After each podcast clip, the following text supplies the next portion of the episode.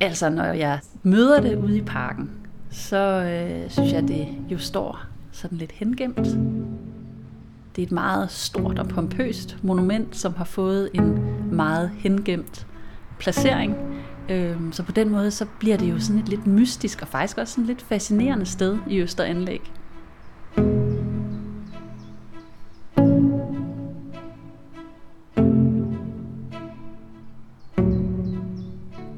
Østre Anlæg, som er parken ved siden af Statens Museum for Kunst, der står der et kæmpemæssigt monument, som har en lidt speciel historie. Det blev oprindeligt lavet for at indgyde national stolthed og vise, hvad dansk kunst kunne rumme af storhed. Men sådan kom det ikke til at gå. I stedet står monumentet nu gemt væk i et tilgroet hjørne af parken og peger i al stillhed på et vendepunkt i dansk kulturhistorie og selvforståelse. Hele opfattelsen af, hvad det vil sige at være dansk, det har på et tidspunkt forandret sig. Men hvorfor? Og hvordan kan man se det i monumentet i parken? Det her er historien om Danmarks monumentet.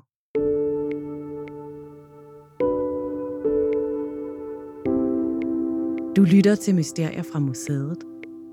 En podcastserie produceret af mig, Christine Runø og af Astrid Hall fra Statens Museum for Kunst.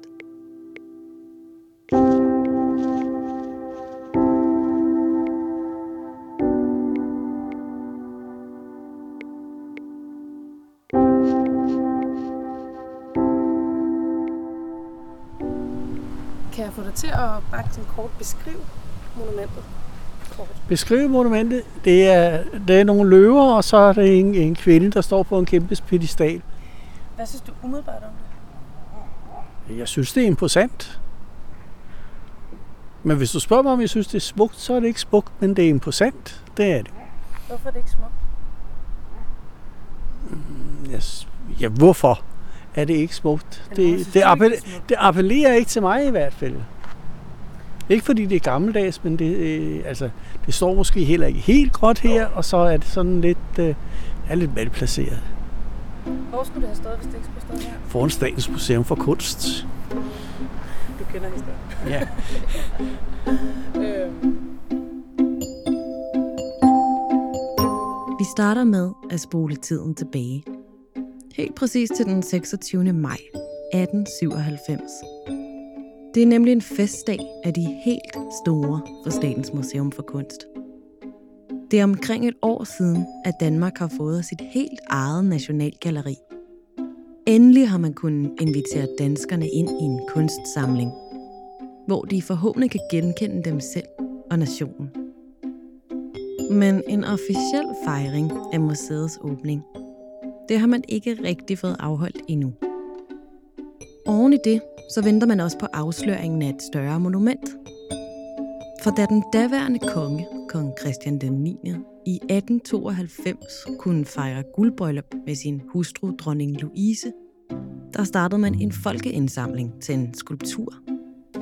Og den skulle stå på pladsen foran museet som en fejring af kongehuset, folket og fædrelandet. Fem år senere, på den 26. maj 1897, der slår man de her to begivenheder sammen. Nu skal den officielle åbningsfest af museet holdes, og i den anledning vil man også trække lærredsækken af den længe ventede skulptur, som har fået titlen Danmarks Monumentet. Hele skulpturen er jo et, en hyldest til øh, Christian 9. og dronning Louise, men det er jo så samtidig også et nationalromantisk monument over Danmark. Men vi lader lige lærredsækken sidde på monumentet lidt endnu. Og så kigger vi lige på omstændighederne omkring opgaven i at skabe dette værk, der blev stillet der i 1892. Det er nemlig noget, som Mette her ved en hel del om.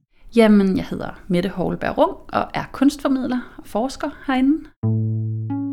Ja, så jeg har skrevet PhD om, øh, om museet, og i den forbindelse, der har jeg faktisk prøvet at kigge sådan historisk på, hvordan folk har forholdt sig til, til Statens Museum for Kunst gennem tiden. Og et af de historiske nedslag, som hun har fokuseret på, Det er museets åbning i 1896 og åbningsfesten året efter. En komité ledt af den indflydelsesrige arkitekt og tidligere formand for Kunstakademiet, Ferdinand Meldal, besluttede, at der skulle laves en folkeindsamling, som skulle finansiere det her monument, der skulle samle folket om kongehuset. Fra starten havde man tænkt, at det ville være oplagt at stille sådan et monument foran museet.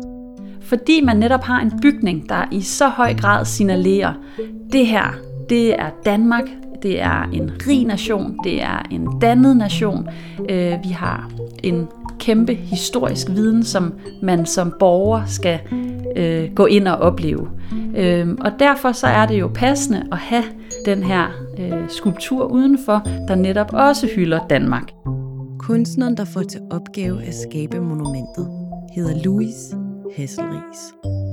Louis Hasselris, han er en dansk billedhugger. Øh, relativt tidligt øh, rejser han til Paris, øh, hvor han faktisk bor stor del af sit liv. Øh, han er elev af øh, Bissen, som er sådan en af de danske store billedhuggere, som har sådan en tråd tilbage til Torvaldsen, som jo er en dansk, stor dansk billedhugger også. Hasselrig står blandt andet bag statuen af H.C. Andersen i Odense, og den siddende skulptur af Søren Kierkegaard ude foran det kongelige bibliotek i København. Hasseris han har lavet mange forskellige typer skulpturer, men han, han kaster sig over den her helt specielle genre, som det jo er at lave de her kæmpe store monumenter. Hasselris har simpelthen givet den hele armen med det her monument. Når det nu skulle være et billede på nationens storhed, så skulle den ikke have for lidt.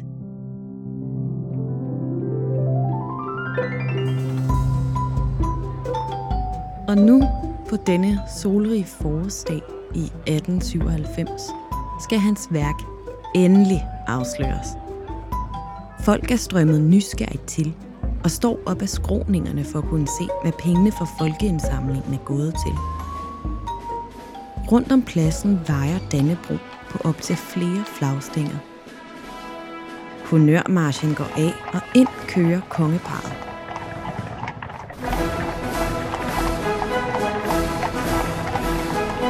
Ferdinand Meldal holder en festtale.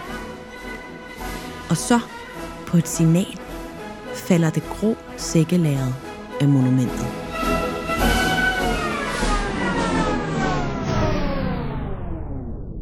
Til syne kommer nu et monument, der rager cirka 10 meter op i luften.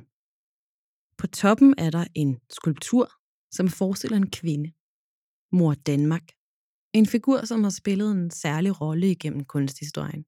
Men det vender vi tilbage til. Og den her skulptur af Mor Danmark er placeret på en kæmpe stor sokkel. Kvinden udgør faktisk kun cirka en fjerdedel af monumentets højde. Resten udgøres nemlig af soklen. På soklen, der er der tre løver. Øh, så kommer der sådan en lille, sådan næsten en cylinder, som øh, har nogle medaljoner med nogle portrætter. Og så har vi så kvinden øverst. Og nærstuderer man skulpturen her på toppen af soklen, så er man ikke i tvivl om, at vi her har at gøre med en hyldest til det danske fædreland. Rundt om halsen bærer mor Danmark et dagmarkors. I den ene hånd har hun rigsvåbnet, og i den anden holder hun guldhornene. Rundt om livet har hun et bælte, og selve spændet, det er intet mindre end en kopi af Ægtvedpigens. Det er faktisk næsten en symfoni af dansk jern, bronze og middelalder. På den lille cylinder under kvinden er der påsat en række bronzereliefer. De forestiller guldbrudeparet og deres mange børn og svigerbørn fra Europas kongehuse.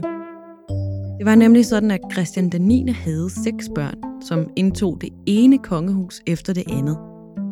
Og derfor fik han også tilnavnet som hele Europas svigerfar. Så nu er det længe ventede Danmarks monument altså blevet afsløret. Men det er som om, at folks reaktioner her på pladsen foran museet ikke er helt, som komiteen havde forventet. Valget af proportioner og størrelsen gør, at det bliver en lille smule grotesk at se på. Man kunne forestille sig, at folk har stirret på det her monstrum, og ikke rigtig vidst, hvad de skulle sige. Måske har de kigget sådan lidt rådvildt på hinanden i flokken for at se, hvordan de andre reagerede. Og måske er der nogen, der har forsøgt at skjule et fnis. Altså, den, den bliver latterliggjort, den her skulptur, og det gør den lige fra starten.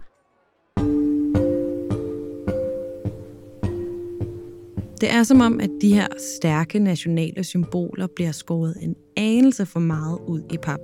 Der er folk sådan relativt enige her. Det gør intet godt for bygningen, og det er også i sig selv et øh, kæmpestort skrummel. Jeg har en øh, fantastisk øh, citat fra, øh, fra 1905, hvor der er en øh, kunsthistoriker, der skriver en bog, der hedder Nordens Billedkunst. Han øh, hedder Sigurd Müller, og han skriver, det store, klodsede kvindemenneske, der foran kunstmuseet ses i færd med at falde i sine skørter, omgivet af tre fabelløber med ansigter som forvidrede kammerherrer.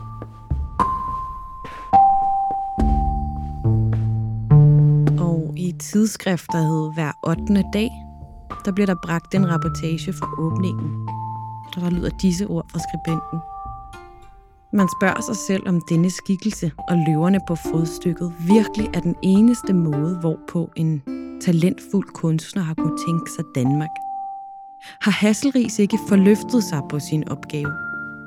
Har virkelig hans fjerne fædreland ikke vagt mere personlighed og originalitet hos ham, end dette arbejde tyder på? Burde han ikke have tilbudt sig til et nationalt monument?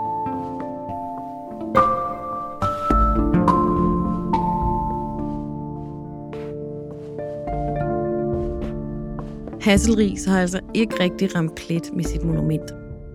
I hvert fald ikke blandt folket. Men hvorfor egentlig ikke? Til at svare på det, der skal vi have fat i en, der ved rigtig meget om lige præcis den her periode i kunsthistorien, hvor at Danmarks monumentet bliver til. Og det er Peter Nørgaard Larsen. Når du tænker på Danmarks monumentet, hvad, ja. øh, hvad er det, der så der kommer op? Jamen, at det er sådan et forsøg på at lave noget sådan til tiden, som er fuldstændig ude af tiden. Altså, jeg er seniorforsker og overinspektør, og har i særlig grad ansvar for den danske kunst, den ældre danske kunst, fra 1750 til omkring 1900, og også europæisk kunst i den periode. Og det jeg selv har beskæftiget mig med igennem årene, har altid været udveksling mellem dansk og europæisk kunst. Og jeg hedder Peter Nørgaard Larsen. Godt.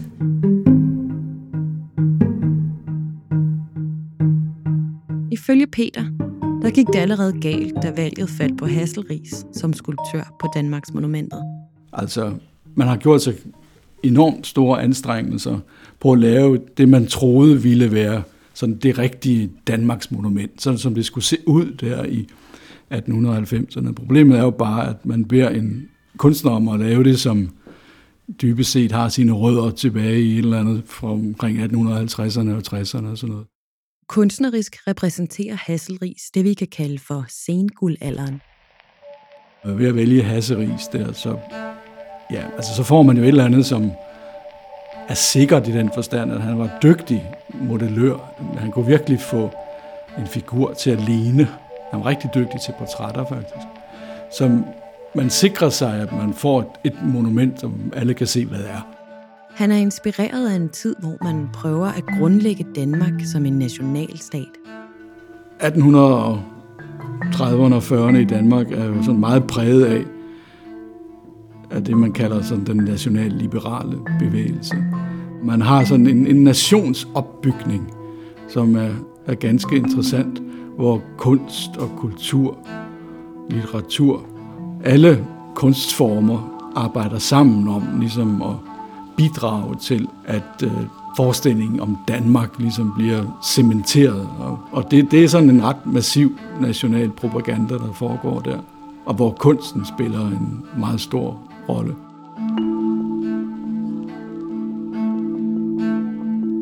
Et eksempel på det kan være et maleri fra 1848 af Jørgen Sunde, som bliver kaldt Landlig Scene. To bondepiger går igennem en dansk kornmark, iklædt trakter i rød og hvid. Næsten som et dannebrogsflag. Det er aften. Køerne er blevet malket. Der er udsigt til fjord, gravhøje og solnedgang. Altså, det er jo Danmarks billede, som vi alle sammen i en eller anden forstand holder af. Altså, hvem kan ikke godt lide en, en, en dejlig sommerdag? Det kan godt være, at den her form for nationalisme i 1800-tallet virker sådan lidt naiv. Men den er samtidig bundet sammen med nogle virkelig frigørende tanker, som blandt andet fører til, at enevælden bliver afskaffet. Man tror på, at kunsten rent faktisk kan være med til at skabe det Danmarks billede, som man har brug for, også politisk, fordi det er på det tidspunkt, hvor, hvor Danmark har sine besværligheder med, med Tyskland, med treårskrigen, øh, 1848-51 og senere krigen 1864. Og der bliver kunsten virkelig brugt som en form for propaganda, en opbygning af en, af en national selvtillid.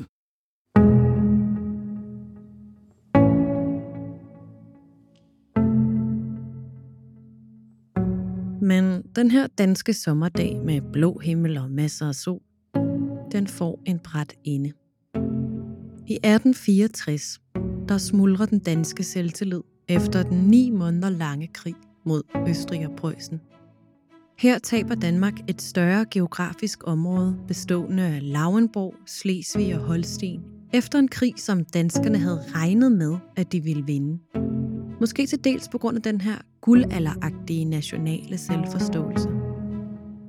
Danskerne havde simpelthen set sig selv som det her stærke vikingefolk, der vogtede over en smuk, storartet og uindtagelig nation. Det er et stort tab, og det betyder et uigenkaldeligt skift i dansk selvforståelse. Og, og der tror jeg, at mange blev vaccineret mod sådan en overdreven national følelse og national hyldest. Altså man synes ikke sådan noget hører hjemme. Altså det er simpelthen for pompøst, for, for patosfyldt og for meget simpelthen. Ikke? Og det betyder også, at kunsten forandrer sig. For ligesom at kunsten før krigen var et sted, hvor billedet af smukke, stærke nordiske Dannevang blev dyrket, så bliver den nu scene for den her nye selvrensagelse og en mere ydmyg selvforståelse. Altså, vi bliver sådan lidt mere øh, forsigtige i vores måde at udtrykke vores sådan, nationale stolthed på.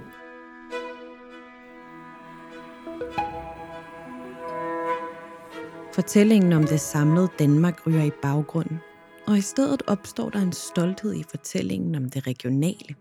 Det kan man for eksempel se med Skalens-malerierne. Og så når vi op til 1890'erne, hvor Hasselrig skal lave sit Danmarks monument. Så har kunsten jo ændret sig sindssygt meget. De kunstneriske fodspor, som han træder i, har simpelthen ført ham til en blindgyde. Offentlighedens tro på, at man kan lave et monument, der samler folket og nationen, den eksisterer ikke rigtig længere. Så det man fik var jo et på alle måder tilbageskuende monument, som endte med at være sådan fuldstændig ude af tiden, selvom det faktisk er lavet til tiden. Men hvis ikke fortællingen om guldhornene og ægtvedpigen og kongehuset kan samle det danske folk, hvad er det så, der skal til her på vej ind i det 20. århundrede?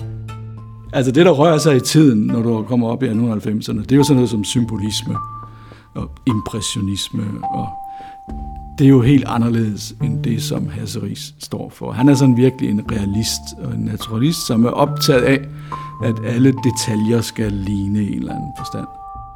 Men for mange kunstnere er realismen simpelthen død på det her tidspunkt. I stedet bestræber man sig på at lave kunst, som er baseret på indre syner og sjælebilleder.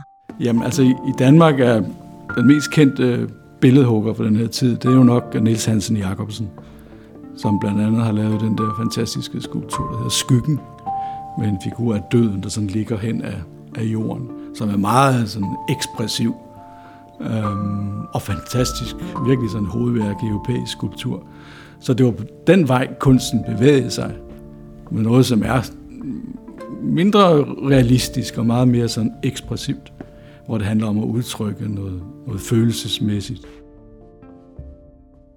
I kritikken af monumentet lyder det blandt andet også, at monumentet har mere international end national karakter.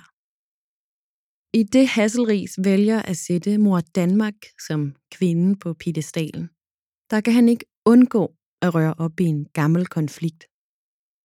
Kvindeskikkelsen, som han griber tilbage til, er nemlig en ikonisk figur i dansk kunst. Kvinden i Elisabeth Jerikau Bagmands maleri, Mor Danmark. Og øh, det er jo sådan et, blevet et, et monument for Danmark. Men dengang Jerikau Baumann lavede sit maleri, der blev det jo også kritiseret rigtig meget for at være sådan for udenlandsk inspireret. Hun var sådan, havde en tysk baggrund, og der kritiserede man hende for, at den der, det der maleri simpelthen var sådan, som man ville have malet det, hvis man var øh, uddannet i Tyskland. Og det havde ikke noget med sådan en dansk figur og dansk kultur at gøre. Den kritik til trods, så vælger Hasselris alligevel at bruge det billede som et forbillede til sit Danmarks monument. Det danske folk var altså utilfreds med deres monument. Men komiteen, der havde bestilt det, de forstod ikke rigtig kritikken. De så på Danmarks monumentet og så præcis det, de havde bedt Hasselris om at lave. Det var jo sådan en konservativ kreds af mennesker, som stod bag det der monument. Så jeg tror egentlig, de var udmærket tilfreds. Men problemet var jo bare, at det kunstsyn, de repræsenterede, var på alle måder sådan altmodisk og gammeldags. Og dem, der måske synes det var et, et glemrende monument, og virkelig levede op til, hvad de havde forventet, var måske ikke så øh, fremtrædende i, i ytringerne, efter den blev afsløret. Jeg tror, det virker som om, de blev fuldstændig overvældet af den der reaktion, der kom. Reaktionerne på Danmarks monumentet, det afspejler konflikten imellem det konservative og det moderne kunstsyn. Der var ved at ske noget drastisk med kunsten der i slutningen af 1800-tallet. Og Danmarks monumentet repræsenterede noget guldaldergammelt. Et sæt udhulede værdier med kongehuset og fædrelandet i centrum. Der var nye tider på vej.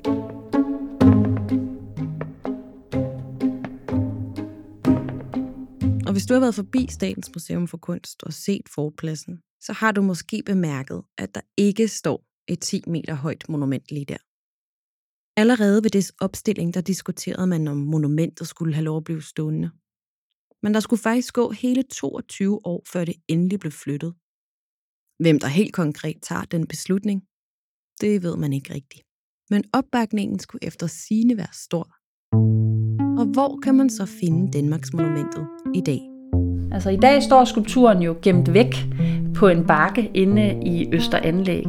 Øh, sådan lidt ude i en side, ud mod, øh, hvad hedder det, S-toget, banelæme der. Plateauet, det står på, hedder Pyglers Bastion. Og tilbage i Østre Anlægs historie har det faktisk været et ganske fornemt sted at placere monumentet. Men i dag, der er det jo sådan et, et sted, hvor græsset får lov at blive lidt langt, og der er nogle piknikborde, man kan grille deroppe, og altså det er sådan et lidt øh, mere vildt og uplejet sted af Østeranlæg. Mor Danmark bliver af og til offer for graffiti. Og der står hun jo så og har næsten sit hoved inde i, i nogle trækroner, øh, fordi hun jo også er enormt stor. Og visse af relieferne er blevet stjålet. Ja, der bliver vel også tisset lidt på hende.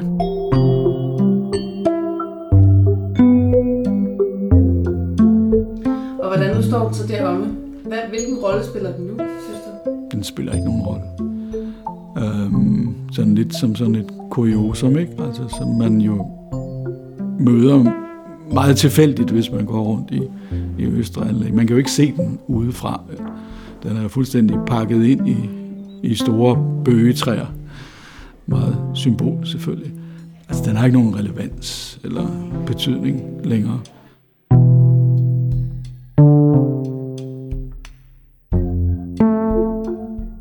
Jeg tænker, det er en stor, fed statue, der er gemt væk over i hjørnet af en park, som jeg ikke helt forstår, hvorfor.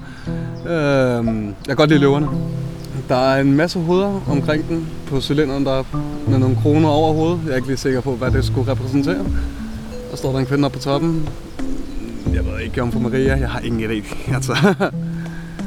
synes du, hvad synes du om? Den er nice. Jeg synes, den er gemt for, den er gemt for meget væk. Hvad tænkte du, da du så? Hold da kæft. Der er kraften stor, den statue. Ved du, hvad det hedder? Uh-uh. Det hedder Danmarks. Danmarks Monumentet. Jeg synes godt, vi kunne tage Danmarks Monument og sætte det lidt længere frem. Hvor skal det stå? Rådspladsen.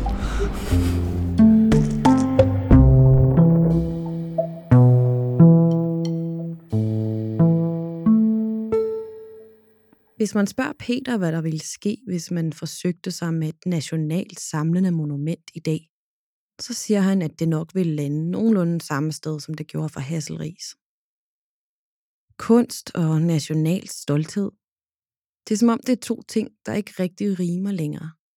Folk efterspørger ikke den form for nationale monumenter længere. Folk er jo meget mere optaget af en, af en kunst, som måske siger dem noget sådan mere personligt. Og der synes man nok generelt, at, at de der store sådan, nationale monumenter ikke er vedkommende for sådan, det enkelte menneske. I stedet er det i dag et bassin, der møder dig, når du ankommer til SMK. Og det vi jo i virkeligheden gerne har ville med den plads, det er jo at åbne den op og invitere ind og lade københavnerne og turisterne og alle dem, der er i byen, bruge pladsen. På en måde er det lidt trist, at det her velmente monument skulle lægges sådan for had. Det prøvede jo bare på en eller anden måde at indgyde en følelse af fællesskab. At fortælle, at det hele nok skulle blive godt igen efter 1864. Og at vi som danskere, uanset hvad fremtiden end måtte bringe, havde en fælles fortid at mindes og være stolte af. Det er på den måde sådan et, et monument over en, en svunden tid. Ikke? Um, og det kan man så sige, det er jo et eller andet sted rørende. Og jeg har selv beskæftiget mig meget igennem årene med, med kunstnere, som på en eller anden måde ikke længere var moderne. I det der med at vende sin samtid ryggen, for det er jo sådan set det, man gør, og insistere på noget, som fungerede engang. Der bliver det tit sådan et lidt gammeldags æstetisk boldværk op imod alle de forandringer, der foregår i tiden. Og så tror jeg, at meget kunst har været brugt.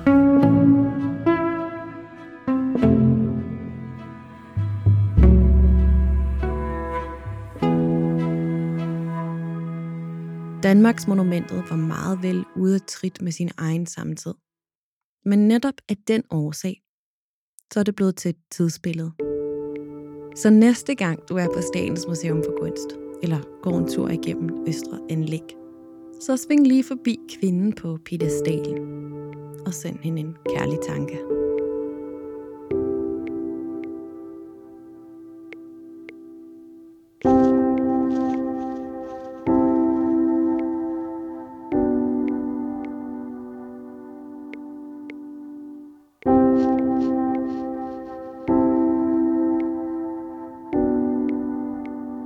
Mysterier fra museet er produceret af Astrid Hall og af mig, Christine Rune, fra Statens Museum for Kunst. I redaktionen sidder Jonas Heide Schmidt og Daniel Schmidt. Musikken er komponeret af David Rune og af Blue Dot Sessions. Og hvis du kan lide den her podcast, så må du rigtig gerne anbefale den til dine venner og til din familie, eller gå ind og rate den på iTunes. Tak fordi du lytter med.